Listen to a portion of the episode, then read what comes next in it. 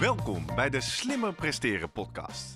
Jouw wekelijkse kop koffie met wetenschapsjournalist Jurgen van Tevelen en ik, middle-aged man in Lycra, Gerrit Heikoop.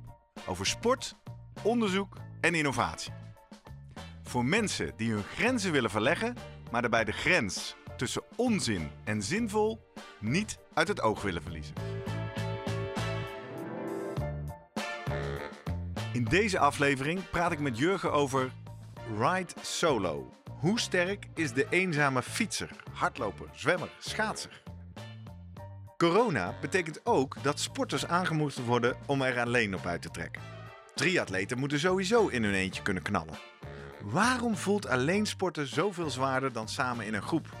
En hoe zorg je ervoor dat je in je uppie ook het beste uit jezelf haalt?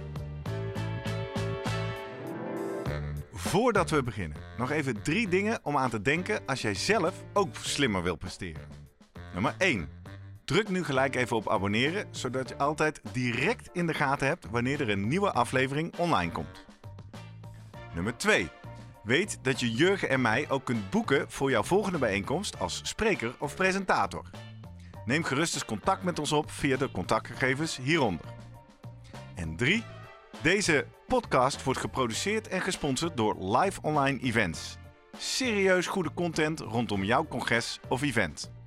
Check www.loe.tv voor meer info. Ja, Jurgen, goedemorgen. Goedemorgen Gerrit. Zijn we weer, nieuwe vrijdag, nieuwe aflevering. Mhm. Vandaag gaan we het hebben over alleen of samen sporten. Ja.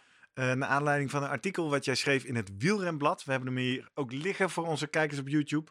Prachtig uh, stuk, mooi vormgegeven. Ride solo or ride slow. Voordat we daar naartoe gaan, even een bruggetje. Kijk eens op YouTube.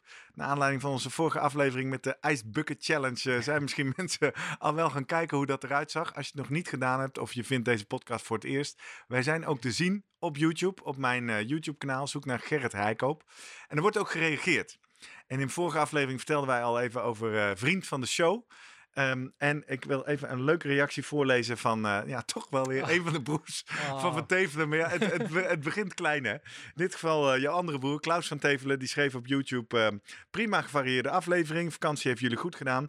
By the way, ik houd me aanbevolen voor een shirt... Voor mensen die niet weten waar het over gaat, hier staat hij tussen ons. Wederom voor de kijkers op YouTube. Tussen ons in staat onze derde deelnemer met het allereerste spuuglelijke ja. slimme presteren shirt. Maar ja, daar moet dat één hij eerste die dan wil. Ja. Ja, een beetje brutaal zijn ze wel, hè, die vertevelers. Ja, maar ik heb geantwoord, wat leuk. En aangezien hij vriend van de show is, wat ook betekent dat hij doneert en financieel bijdraagt aan deze podcast, zei ik, de eerste tien vrienden van de show krijgen een shirt. En ik heb hier Kijk. naast mij een hele doos. Ik heb gelijk maar geïnvesteerd in iets betere kwaliteit. Dus uh, mocht er uh, nog plek zijn, we gaan op uh, first come, first serve. Ga kijken op vriendvandeshow.nl slash slimme podcast. Word vriend van de show. Ja, dat wordt wat bij de familierekening van Tevelen. Allemaal, Allemaal in een shirt. slimme presteren eh, shirt. Precies, kortom. Hey, we gaan het weer over wetenschap en sport hebben en Ja. hoe we slimmer en beter kunnen presteren. In dit geval eh, wielrennen, bijvoorbeeld. In je eentje als triatleet, maar ook door eh, in 220 veel eh, alleen. Ja. Wat was voor jou de aanleiding om hier een stuk over te schrijven? Ja, dit is denk ik toch een corona-uitgave van Wielrenblad. Eh, daar, en, en aan de hand daarvan eh, dacht ik van... eh, nou, het was duidelijk, we moesten in je uppie gaan, eh, gaan bewegen. Ja. En nu deed ik dat toch wel regelmatig. Eh, maar ja, dan kom je er toch wel achter dat je je, je vaste clubje mist. Hè? Eh, al is het misschien voor de gezelligheid. Eh, je wordt meer op jezelf teruggeworpen, ook met je gedachten.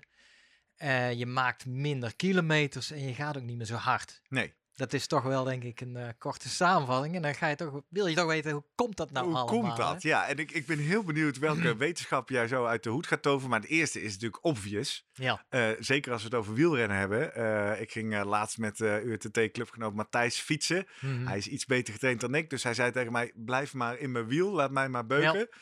Dacht, ik, wat is het toch ook een verschrikkelijke oneerlijke sport, hè? ja. Want als je inderdaad bij iemand in het wiel zit, scheelt gewoon ook, ik geloof op de Swift races, scheelt je 30% vermogen, toch? Stuk meer zelfs. Eh, in een groot peloton. Het is wel eh, ja, berekend door eh, Bert Blokken. Is, de, is eigenlijk de, TU de, wind, ja, de windtunnel specialist die veel doet met Jumbo-Visma. eh, veel ook kijkt naar wat, wat doet de motor voor een renner en eh et cetera. En die heeft toen berekend dat het ideale peloton, dat is natuurlijk wel een model, zit iedereen lekker dicht op elkaar, een bepaalde afstand. Dat je zelfs in die buik van het peloton eh 95% minder vermogen hoeft te trappen. Ja, je wordt als het ware, Ja, rol je vanzelf mee. Ja, en dat is het. Je, wordt, ja, je kent het, de slipstream.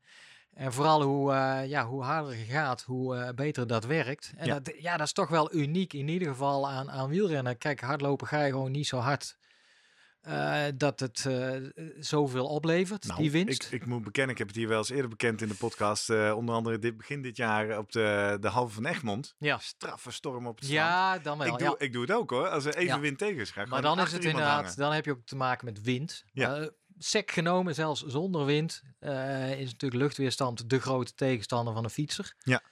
Eh, komt daar die wind nog bovenop, ja, dan, dan merk je het al helemaal. Ja, wij, wij fietsen veel op de dijk, denk ik, bij uh, Amerongen. Ja, Ja, Amerongenwijk, altijd wind. Ja. Dan altijd fijn als je in een groepje zit of een maatje meegenomen hebt. Dus Ja. dat is één. Maar, dit is dat- een open deur. Ja, ik dat denk dat luisteraars slimmer pre- presteren Ja. podcast nu denken, ja, dit, Ja. eh, hier word ik niet slim Ja. van, dit wist ik al. Maar wat is er nog het meer? gaat, over te ja, die, die psychologie, eh, psychologie erachter, hè, van waar ga je aan denken? En dat ben ik eh, een, beetje gaan, gaan, een beetje op een rij gaan zetten.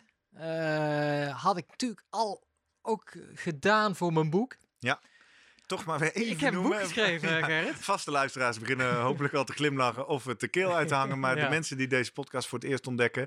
Jurgen is niet alleen wetenschapsjournalist, maar je hebt ook het boek geschreven, Ja. Het Maakbare Uur. Over het werelduurrecord. En ja, waarom is dat eh, belangrijk? Omdat een werelduurrecord doe je ook in je uppie. Ja, moet je een uur lang zo hard Ja. mogelijk in je eentje. En, En, dan? dan, eh, ja, waar laat je je gedachten? Ik, eh, in, in, de, in het schrijven van het boek eh, kwam ik Eddie Merckx tegen, die halverwege zijn gedachten gingen alle kanten op. Eh, zelfs eh, negatief van eh, wat als ik nu een lekke band krijg? Wat als iemand de baan oversteekt?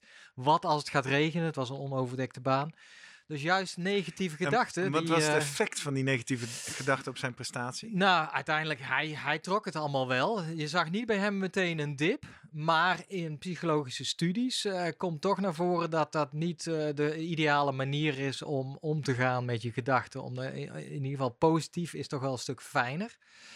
Ehm, nou, het begint ermee van dat er gedachten in je opkomen en die heb je veel minder als in een groep. Dat is En- een eerste, op, dat is wetenschappelijk geobserveerd. dat- Als ik in een groepsfiets, Ja. heb ik minder gedachten. Dat, ik heb gepraat, eh, gesproken toen met psycholoog Martijn Veldkamp. Die noemt zichzelf de wielrenpsycholoog. dus een psycholoog en wielerliefhebber.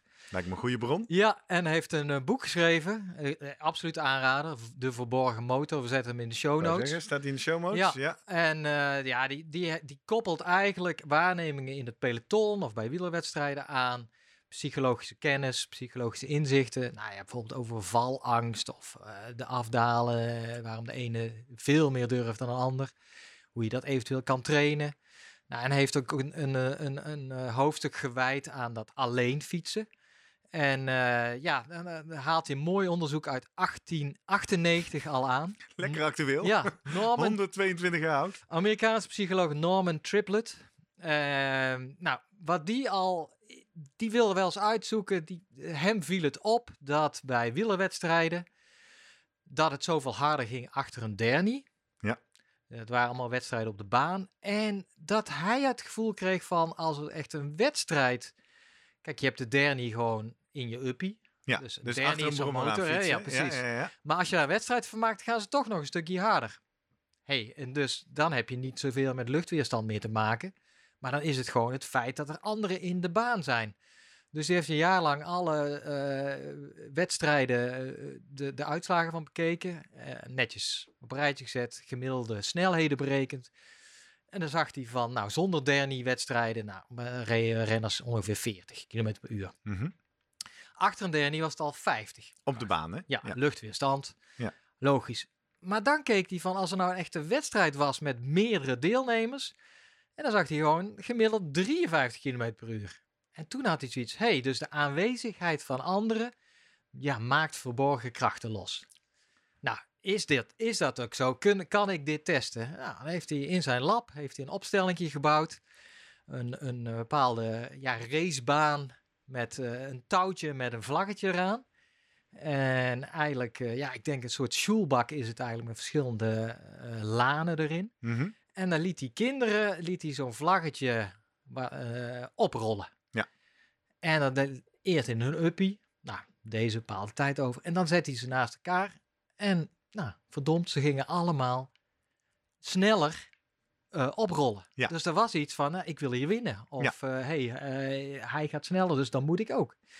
Dus vanuit daar eh, zei hij, ja, dat is dus duidelijk van de aanwezigheid van anderen. Geeft, zorgt er in ieder geval voor ja, dat we meer ons best gaan doen. Of dat we ja, eh, ja, de verborgen krachten loskomen. Ja, doe me denken aan een verhaal wat je eerder wel eens in deze podcast hebt verteld over de studie met de Engelse roeiers. Ja, Daar bleek toch ook, die konden dieper Klopt. gaan, meer pijn verdragen op het moment dat ze samen Ja. de proef deden. Nou, Ja. vorige week hebben wij natuurlijk ook Ja. gemerkt dat ging volgens mij Eh, om pijntolerantie. ja. Beter de pijn verdragen. dat ik wil niet voor jou onderdoen. Terwijl als ik hier alleen met een stopwatch had gezeten, was ik misschien al lang eruit geweest. Ja. Het, en het blijkt gewoon een onbewust iets te zijn. De aanwezigheid van anderen. Het feit dat jij hier zit, denk ik, eh, bijvoorbeeld al. Hè? Ja. En eh, dat, dat maakt al iets los bij mensen, vooral dan eh, bij wedstrijden. Ehm, en dat is een kakkerlakkenproef om te laten zien dat het onbewust is. Ja, ja, Een ja. kakkerlak doet in principe dingen niet heel bewust, namelijk.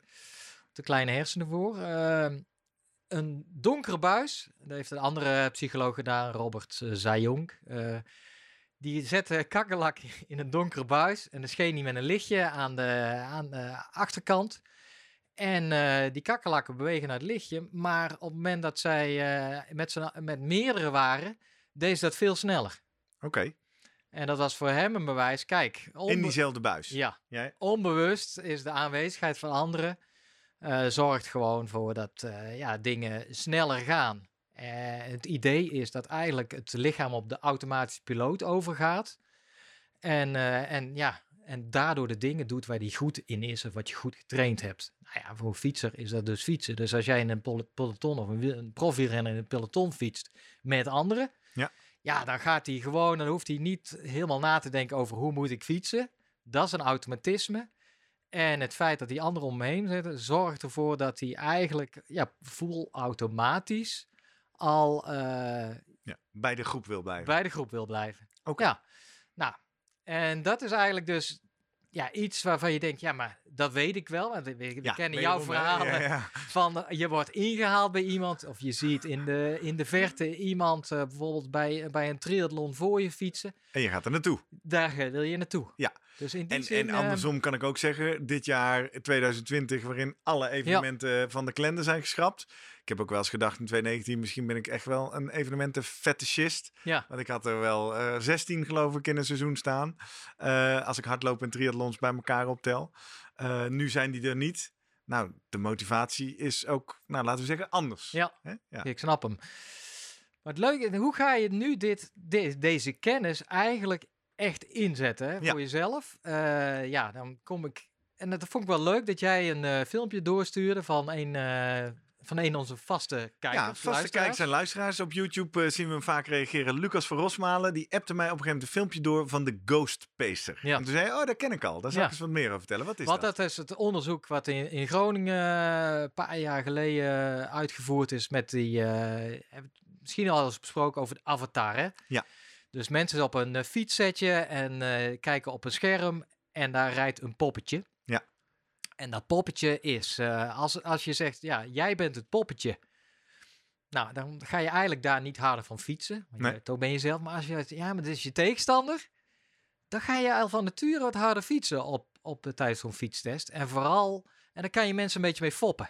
Ja. Door te zeggen, ja, dat poppetje fietst eh 30 km per uur. Maar stiekem laat je die 32 km per uur fietsen. En dan blijven ze er toch gewoon bij. Ja, en je, je, ja, daar zit een bepaald bereik in. Je kan eh, een beetje stoeien. 2% toename in eh, snelheid. Misschien, eh, dat, dat lukt nog wel, maar 5%. Ja, dan denken mensen, hier, hier klopt iets niet. Dit gat is te groot. Ja. En die Pacer, dat is inderdaad een, een VR-bril, virtual reality-bril. Dat, ik vond het wel heel mooi wat ik zag van, want dan eh, ben je aan het hardlopen en eh, het lijkt net of er een, een mannetje Ja, je zet, je zet een grote zonnebril Ja. op. Dat is een virtual reality bril. Oftewel, die projecteert aan de binnenkant van jouw zonnebrilglas een eh, animatie over de werkelijkheid heen. Ja. En in dit geval de, de spookpacer. Precies. En uit de promotiefilm blijkt dan, je kan dat je eigen rondje laten zijn. Maar je kan dus ook op die manier virtueel op hetzelfde parcours racen tegen vrienden of Ja. tegen anderen. In die zin kan ik me voorstellen, eh, mensen die Strava gebruiken en gebruik maken van segmenten, klassementjes, kommetjes. Dat je eens even ziet hoe degene die de, de kom, de Ja. King of the Mountain heeft, weggereden heeft. Dus je koppelt eigenlijk prestaties van anderen. Ja. Die kan jij direct. Die dan- visualiseren. Ja. Letterlijk. Real time. Het zag er fantastisch uit. Ik meteen denken, waar haal ik dat ding? Bestellen? Ja. Ja, blijkt toch een Kickstarter ding te zijn. eh, Ja, hij is er nog niet, hè? Nee, ze halen geld op om uiteindelijk, en dan hebben ze verschillende versies die steeds meer kunnen. Ja, dan ga je meteen denken, ja, dit is voor om te trainen. Ook Ik heb wel een voor, leuk idee. eh, Zullen, zullen wij 20% van al onze donaties op Vriend dat van de Show aan dit Ja. project geven? vind totdat het er is. een mooi Toch? initiatief, ja. Mochten mensen nog twijfelen, wat doen ze met dat geld? Nou, 20% investeren wij in R&D Ja. bij deze. Want het, het, het is ook wel, het doet me denken aan bijvoorbeeld de manier waarop Daphne Schippers af en toe traint. Of die short trackers, hè, want die, die, die halen in een training toch niet de snelheden die ze bij wedstrijden halen. Ja. Dus je ziet die Die sprint. hebben natuurlijk daar ook weinig mensen om zich heen die Ja. die tempo's kunnen lopen, Ja. die zeilen zelf lopen. Ja, je kan, eh, soms zijn vrouwen iets in het voordeel als ze met mannen kunnen trainen. Oh ja. Eh, maar ja, zo'n Daphne Schippers loopt al zo hard. Dus die werken vaak met zo'n elastiek of in ieder geval of een, een touw wat ze voor, voortstuurt. Maar ja, dan wordt meteen gezegd, ja, het is onnatuurlijk. Want zo voelt dat dus Wacht even, niet. ik snap dit niet helemaal. Ik heb het nooit gezien ook. Wat doen ze met een Ja, elastiek? volgens mij hebben ze, ze heeft een band om zich heen. Ja. Eh, dat zit vast aan een touw. En daar zit een, een, een, een motortje aan vast wat, wat het oprolt of voor, voortrekt. Oh, Op een maar dat snelheid. helpt haar in feite. Ja, waardoor ze kan ervaren hoe het is om bij die bepaalde snelheid te, eh, te lopen. Ah, oké. Nou, dus niet die- zozeer om die, om, die, om die vermogens op te wekken, Nee. maar gewoon om die snelheid van je lichaam precies. te krijgen. En dat, dat ze weet, ah, zo voelt dat dus. En eh, hetzelfde met die short trackers in de, in de bochten met name. Hè. Vooral als ze op hoogte gaan, door de ijlere lucht gaan ze ook wat harder. Ja, hoe train je dat? Ja. Ja, daar hebben ze toen bedacht met zo'n eh, ventilatortje op de rug. Hè, met eentje extra boost geven.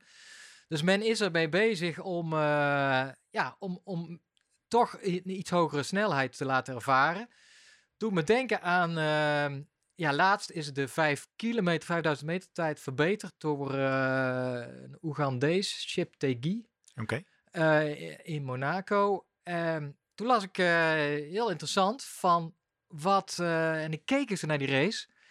Wat zij tegenwoordig hebben sinds twee jaar is op zo'n baan aan de binnenrand. Atletiekbaan, ja? Ja, hebben ze een lampje of lampjes die meebewegen. Niet. Ja, Als pacer. als pacer. Het mag dus. En ik wist, wist ook niet, want ik ken wel de Maar goed, dit is eerlijk, dit heeft iedereen. Toch? Sinds twee jaar, ja. Ja, ja. En eh, alleen... Ik bedoel alle deelnemers in die Ja. race, hè? Ja. Maar het, de vraag is wel hoe ze die snelheid, ja, hoe ze hem instellen. Ja. En in dit geval hadden ze hem echt op wereldrecord snelheid ingezet, zodat in ieder geval de hazen de eerste nou, paar ronden eh, wisten welke snelheid ze moesten aanhouden. En later dat die eh, Chip de Guy dat ook kon. Ja.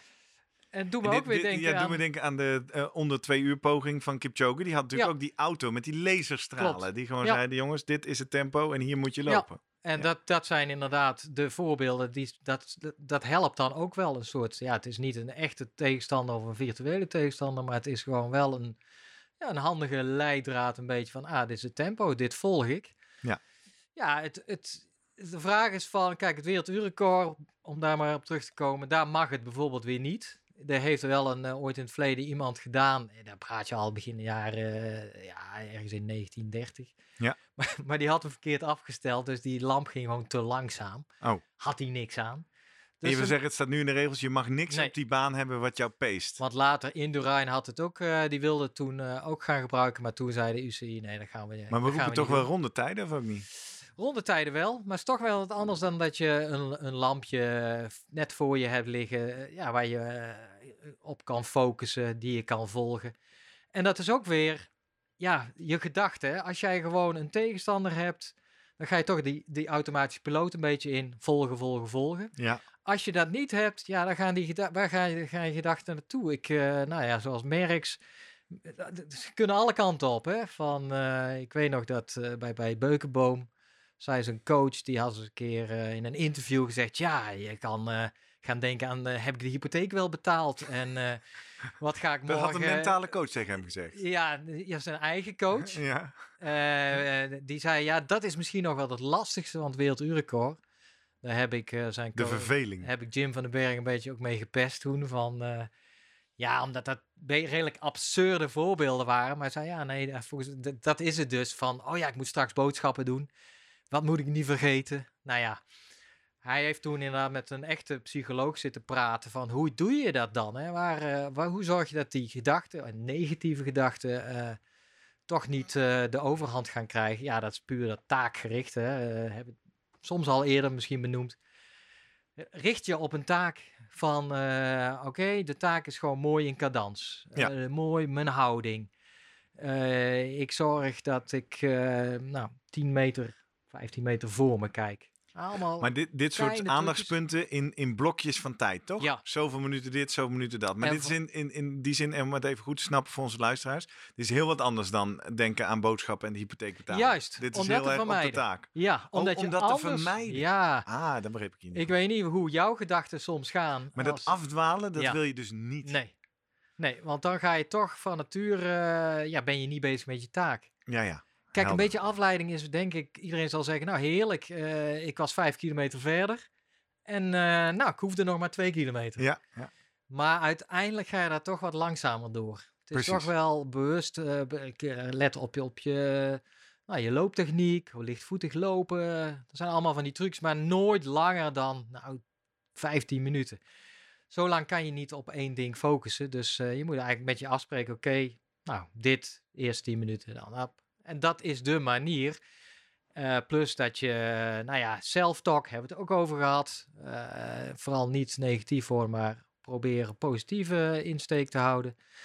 Eh, nou, dat zijn een paar Dus dingen. dat is als je alleen een pad moet. Ja. Het zij omdat je triatleet bent en je moet nou eenmaal 180 kilometer of 90 kilometer zo hard Ja. mogelijk in je eentje fietsen.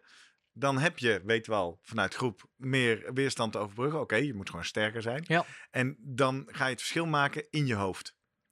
Ja. Focus op je taak, afwisselende, zorgen dat je niet afdwaalt. En op een of andere manier, maar dat is dan niet voor de wedstrijd en topatleten, maar als amateurs kunnen we eens gaan kijken naar slimme pacingshulpmiddelen. Zoals Ja, een en die- Ghostpace. En die Ghostpace, wel heel interessant. Ik heb, toen ik het zag, heb ik meteen even geschakeld met eh, iemand uit Groningen. Die dat onderzoek met die avatar deed. Van, eh, hey, eh, kennen jullie dit? En Ja, ja, ja, ja. zitten jullie hier achter toevallig? Nee, was ook helemaal verbaasd. En die, eh, ja, die, die zijn heel erg bezig. Nieuw onderzoek in een beetje verschillende scenario's. Hè? Eh, kijk, dit is allemaal vaak op, nou ja, eh, één vaste snelheid. Maar wat als jij een tijdje op kop ligt en je wordt ingehaald? Wat doet dat met je? Zeg Ja. maar? Of iemand voor je gaat een beetje afremmen en gaat dan dus bewust sneller, langzamer. Dat soort scenario's. Ja, dat, dat- Ik maakt- herken het, ja. Ja, Ja, ik kan, ja joh, ik kan zo slecht... Ik doe het zelf bij een ander. Ik bied ook altijd vaak na afloop van de race mijn excuus aan. Maar bijvoorbeeld lopend. Ik kan zo slecht tegen als ik iemand in mijn, in mijn wiel... Ja, dat heb je bij Ja. lopen niet. Maar iemand, in mijn rug heb zitten. Dan ga ik dus expres langzamer lopen. Zodat ze er langs komen. Ja. En dan ga ik het wel achter Ja, hangen. ja. En wat ik zeg, ik zeg meestal ook sorry. En ik kan me nog goed herinneren, begin dit jaar februari loop in, eh, in de buurt van Bennekom. En daar had ik dat ook, jongen. En, en je, nou, inmiddels ben ik dus vaak degene erachterop. Ja. En helemaal als ze dan gaan versnellen natuurlijk. dat- je, je hoeft maar te volgen. Dus erachter, erachter en harder en harder. En dan ook nog in die laatste 30 meter. Ik schaam me om te zeggen. Douw ik hem er ook nog langs. Ja, ja, ja. Zo onaardig. Maar wat ik zeg, nou, ik bouw- ik bied wel mijn excuses aan. Dat herken ik. En ehm, in diezelfde fietsrit waar ik eh, net even aan refereerde met Matthijs, waar ik dus gewoon Ja. eh, een half uur in zijn wiel mocht zitten, ehm, waar hij helemaal stuk ging. En ik op een gegeven moment gewoon merkte dat ik aan het herstellen was. Ja, ja. Toen moesten we terug hier omhoog eh, naar het zwembad in eh Leersum. En dat ging ook hard. En toen ging ik wel stuk. Toen wilde ik bijna lossen. En toen zag ik hem opeens ook inzakken. En dat gaf Ja, weer zo'n mentale Ja, boost. ja. dacht ik, oh, wacht even, hij heeft het ook zwaar. Oh, dan kan ik nog wel even bijblijven. Dus dat je toch stiekem naar je tegenstander Ja, kijkt. van, Als altijd. die wat minder ja, altijd. Maar dat, is, dat, druist eigenlijk totaal in tegen de studies dus. Die zeggen, ja, niks tegenstander, gewoon je taken. Klaar. Ja, nee, niet tegenstander dus. is er niet. Ja, wel. En als hij er wel is, maak er dan pro eh, profiteer ervan door uit de wind te gaan lopen of juist Ja. achter te gaan lopen. Ja, dat is eigenlijk. Maar ga je vooral niet opnaaien omdat iemand achter je hoort hijgen. Of eh, ja, het, het kan wel, maar het, het geeft wel onrust. Je gaat Heel erg. onbewust toch weer versnellen, kost weer energie. Ja. Ja, dus, Dus, ik ben. mijn, slimmer presteren podcast als amateur een tip is, eh, ga er maar gewoon achterlopen. Ja. Even langzaam en eh, iemand anders een bordje leeg eten. En dan heel, eh, ja, bij, bij de finish nog even eroverheen. Ja, dan, eh, heel flauw, sorry. Ja. Muziek misschien. eh, heb jij wel eens muziek op? eh? Ehm, in het begin. ja. En ik geef dat ook altijd wel vaak als tip eh, voor mensen die beginnen met hardlopen. Ik vond toen ik begon met hardlopen, en dat is nog niet zo heel lang geleden, dat niet leuk. Om een aantal redenen. Ik was er natuurlijk heel slecht in. Het deed meer pijn. Nou, we weten sinds vorige week Ja. onaangenaam gevoel. Ehm, maar ik kon ook heel slecht tegen om mezelf zo te horen hijgen. Hè, dat gestampende hijgen. En dan hielp het mij heel erg om een soort van af te sluiten. Muziek op, zonnebril op zelfs. En dan was ik soort in mijn kokonnetje en dan ging ik mijn training Ah, afwerken. ja. En uiteindelijk kwam ik op een punt dat het beter ging. Ja. En heb ik een hele tijd zonder eh, gelopen en inderdaad natuur en genieten. Ja. Tegenwoordig, weet je wat ik vaak doe als ik ga lopen? Ben benieuwd. Podcastjes Ah, luisteren. ja. Dat is echt een tip. Ja. Ik doe het niet op de fiets. Dat vind ik toch te gevaarlijk. Ik hoor van mensen die het wel doen, maar met hardlopen vind ik het heerlijk. Liever podcast dan muziek eigenlijk. of Ja. Zo, of, eh, Ja. ja. Ook. Ook omdat ik ergens eh, tijd moet hebben in Ja. mijn dag om dat te doen. Ja, en eh, ik we hebben natuurlijk weinig gewoon werkverkeer meer. Ja. En dan is hardlopen een mooi Ik moment. eh, moet eerlijk bekennen, bij het lopen doe ik het niet. Fietsen doe ik het wel eens, maar hoogstens alleen rondjes die ik ja, met de ogen dicht kan rijden. Ja, en er- jeugd is toch onzin? en En is die- er overal verkeer? En die rustig zijn. Ah, dan ken jij de plekjes nog niet die ik ken, denk ik. Dan gaan we nog een keer fietsen. Want dat deed me denken dat we laatst kregen we ook een berichtje toch in de, de UITT-groep van iemand die eh, waarschuwde van ga niet met een podcast op eh, fietsen, want die had toch... Ja, eh, ik onderschrijf het wel, maar misschien, ik ben zelf dus ook niet alleen groen in, in al die sporten, maar ook Ja. in het wielrennen. Dus ik, ik Nou, voel me ook daar niet zo comfortabel. Ik ben ook met je eens. Het is tegenwoordig druk eh, op de fietspaden. En, Ja. Ja. Zullen we eens gaan kijken wat onze eh, Guido Ja. Vroemen doet met zijn topatleten die hij coacht en hoe hij omgaat met het feit dat zijn atleten alleen moeten trainen, hoe Ja. hij zijn triatleten die hij traint stimuleert om zo hard mogelijk alleen te fietsen. Ja, eh, ik denk dat hij die Ghostpacer al stiekem in huis heeft. Als zijn eh, de Gadget Man. Hè? Dat eh, ik ben heel benieuwd hoe hij We gaan eens even zoomen met Vroemen. We gaan zoomen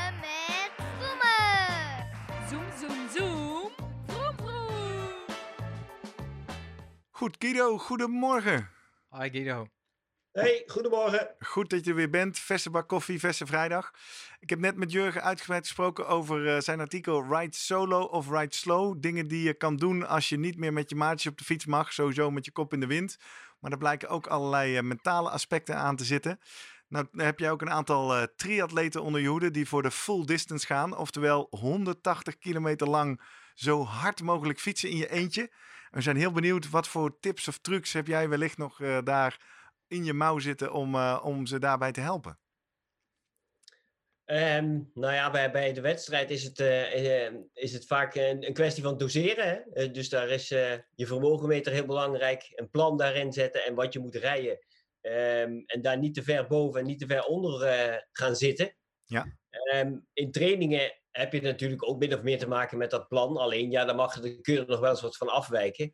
Ehm, maar ja, als je 180 kilometer zou moeten fietsen, of je 200 kilometer, dan kun je maar beter ervoor zorgen dat het een leuke route is. Dat je een beetje afwisselingen hebt. Ehm, eh, een beetje op en af. Hè? Een glooiend parcours loopt altijd beter dan alleen maar plat. Ja. Oh. Dat zie je ook met wedstrijden vaak. Ehm, snelle races die hebben niet echt een vlak fietsparcours, maar die hebben een beetje glooiend. En dat loopt toch altijd wat beter. En ehm, nou ja, dat is ook gewoon voor de kop wat meer af, eh, afwisseling. Hè? Als je een beetje op en af moet gaan, is dat toch altijd, nou ja, dat, dat is toch lekkerder dan alleen maar saai, mm, lange wegen eh, in de wind. Kun je dat ook benaderen met Zwift tegenwoordig? Vind jij dat? Nou, ik zou denken, ik niet zelf. Een uurtje, nou ja, anderhalf uur kan ook nog wel, dat, dat vind ik nog wel te doen. Ehm, maar eh, vier uur of vijf uur zwiften, nee, dat zou ik echt doodongelukkig van worden. Maar toch even, Jurgen, want eh, en, en, ja, ik heb dus geen Zwift-ervaring. Maar Zwift is toch het ultieme waar we het hier over hebben. Namelijk niet in je eentje anderhalf uur op de home trainer gaan zitten. Maar in een soort virtuele Ja, wedstrijd met tegenstanders proberen jezelf te motiveren. Dat klopt, dat klopt. Als je, daar, daar- als je op het schermpje zie je natuurlijk wel allerlei andere eh, fietsen. Eh, Dus dat is op zich wel, ehm, dat is op zich wel eh, met meerdere dan. En dan heb je nog wel wat motivatie als anderen daar fietsen. Maar je zit wel stil op je fiets eigenlijk. Hè? Weet je, je hebt niks te maken met coördinatie, bochten, staan, zitten, bedra- dat soort dingen. Dat heb je allemaal niet. Hè? Dus dat is wel heel anders fietsen. Ja, maakt het veel monotoner. dat, eh, Ja. wij kwamen hierop ook door eh, de Ghost Pacer, heet het. Een eh, VR-bril die in ontwikkeling is. En die met name bij het hardlopen eh, eh, zou ha- handig zijn. Omdat je, als je dan gaat lopen, dan heb jij voor jou een avatar lopen, een poppetje. Die op een bepaalde snelheid kan lopen. Of die het, het, de snelheid kan lopen die jouw concurrent op Strava heeft neergezet op een bepaald rondje. Ken, ken jij dat? Ken jij, ken je dit soort brillen, dit soort initiatieven? Nou, als je het zo van, ik heb het nog niet eh, Nee. zelf mogen zien of testen of zo. Nee, dat niet. Ik ken het meer van ehm, eh, ja, records op, op de atletiekbaan met zo'n stip hè, die voor je uitgaat. Ja, Hetzelfde idee, dan, weer, hè, dan wordt, het is eigenlijk gewoon een tempo aangeven met een bepaalde tool. Ja, werk jij daarmee bijvoorbeeld, eh, dan komen we toch op Kai Reus, die natuurlijk het werelduurrecord gaat aanvallen. Dat is ook een manier om hem een bepaald tempo eh, aan te leren. Eh, Denk jij na over dit soort eh, trucjes, zullen we maar zeggen? Nou ja, dat zijn wel zeg maar de laatste stukjes waar, waar je denkt, nou ja, weet je, als hij bepaalde moeilijkheden heeft om een bepaald tempo te blijven rijden, dan moet je iets gaan verzinnen om hem daarmee te kunnen helpen. Ja. Wat mag natuurlijk, hè, moet wel toegestaan zijn. En dan zijn, komen dit soort dingen natuurlijk ook naar voren toe. Hè? Ja. Dat, zeker. Kijk, op een baan heb je, heb je ook gewoon, als je een baanfiets hebt, dan heb je ook gewoon een, een trapfrequentie op je fiets. Ja. Je schakelt niet, dus Ja. als je die trapfrequentie op 90 zet, en dat moet hij vasthouden, is ook al een tool. Hè? Ja, ja, ja. precies. En dat zeg je ook met die vermogensmeter bij die triatleet. Hè? Je legt van Ja. tevoren gewoon een vermogensplan neer. En zolang je maar in die waardes blijft, dan, dan zit je goed. Ja.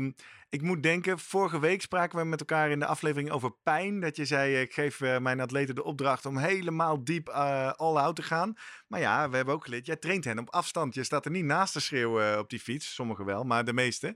Ehm, wat voor tips heb jij wellicht nog voor hun om te zorgen dat ze echt zo diep in het rood kunnen als ze daar alleen op hun fietsje op die dijk zitten?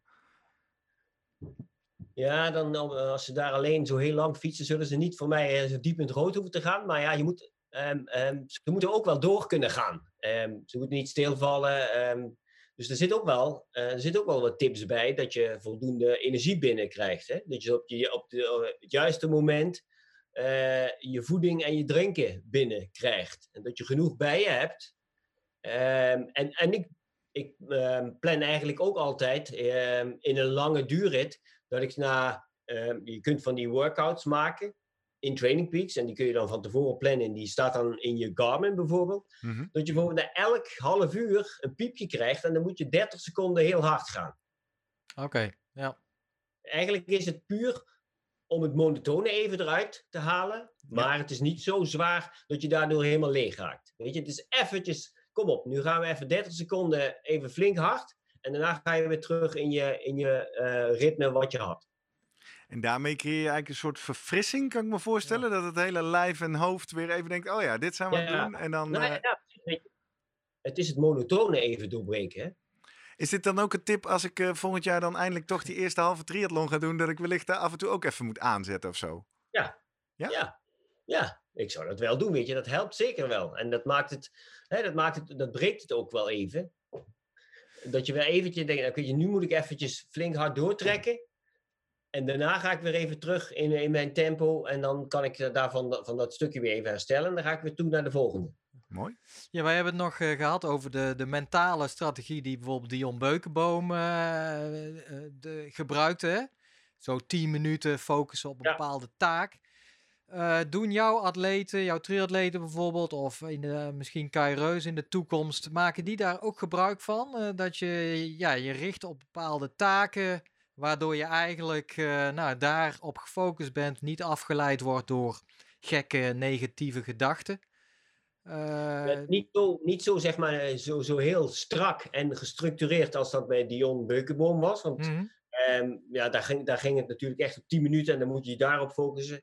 Ehm, maar in het geheel krijg je dat soort, ehm, die gedachten die er dan in zo'n werelduurrecord komen bij iemand, die komen bij iemand anders die aan het trainen is voor een bepaalde prestatie, komen ook negatieve gedachten. Ja. En die moet je eigenlijk wel ehm, herkennen. Dat je denkt, ah nee, ik moet nu eigenlijk, ik, hè, dat, ik moet niet negatief gaan denken. Ik moet het terug zien te draaien in, in positieve energie.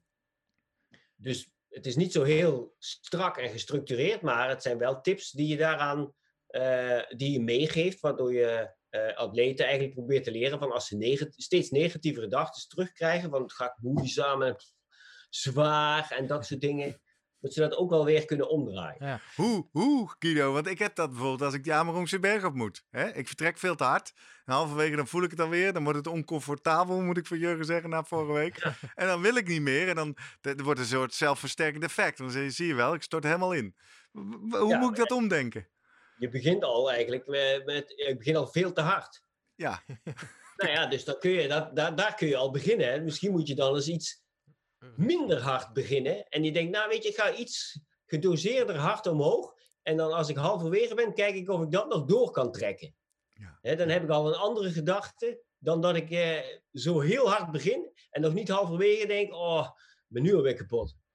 Maar bespreek jij gedachten, negatieve gedachten, eh, wel eens dan met atleten? Of is er een, een mental coach bij jou nog ergens in het spel die je af en toe raadpleegt of die atleten raadplegen?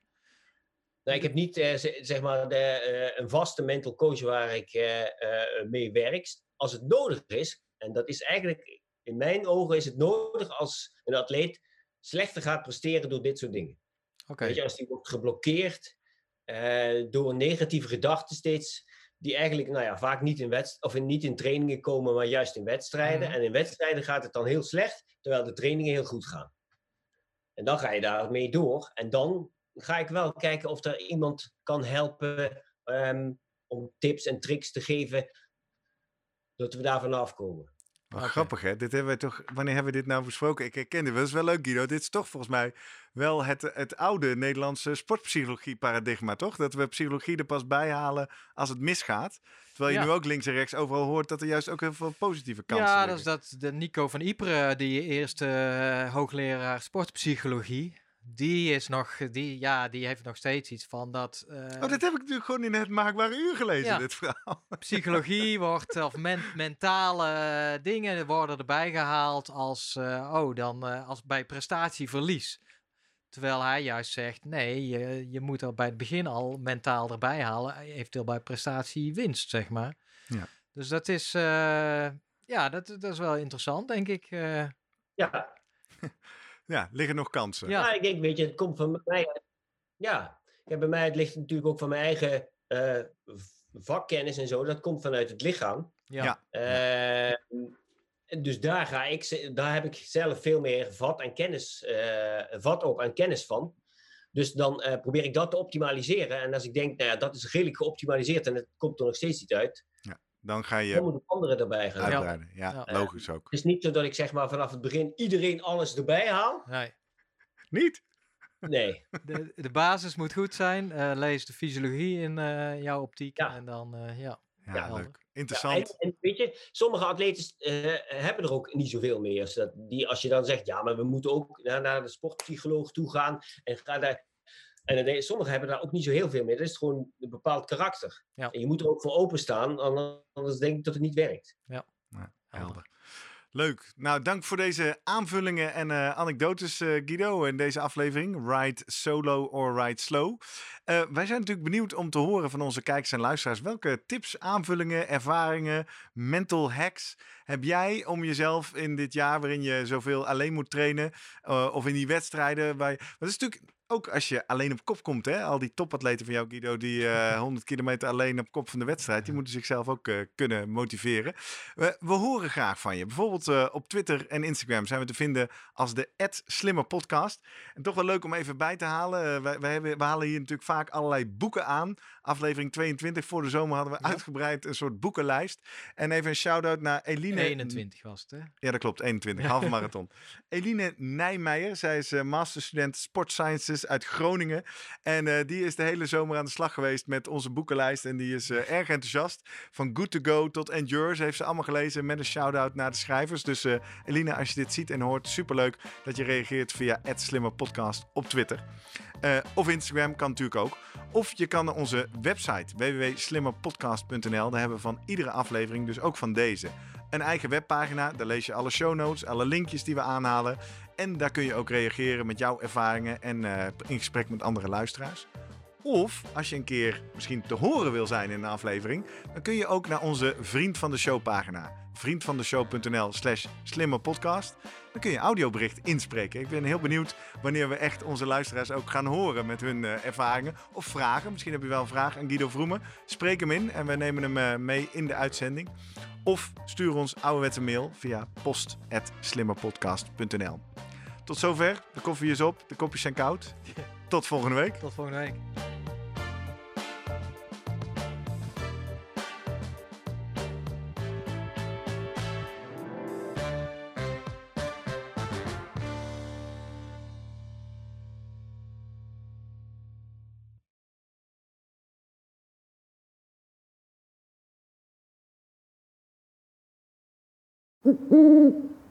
Hey. Voordat je weggaat, denk er nog even aan uilentorenloop.nl. Dan zien we je de eerste zaterdag van juni. Tot dan!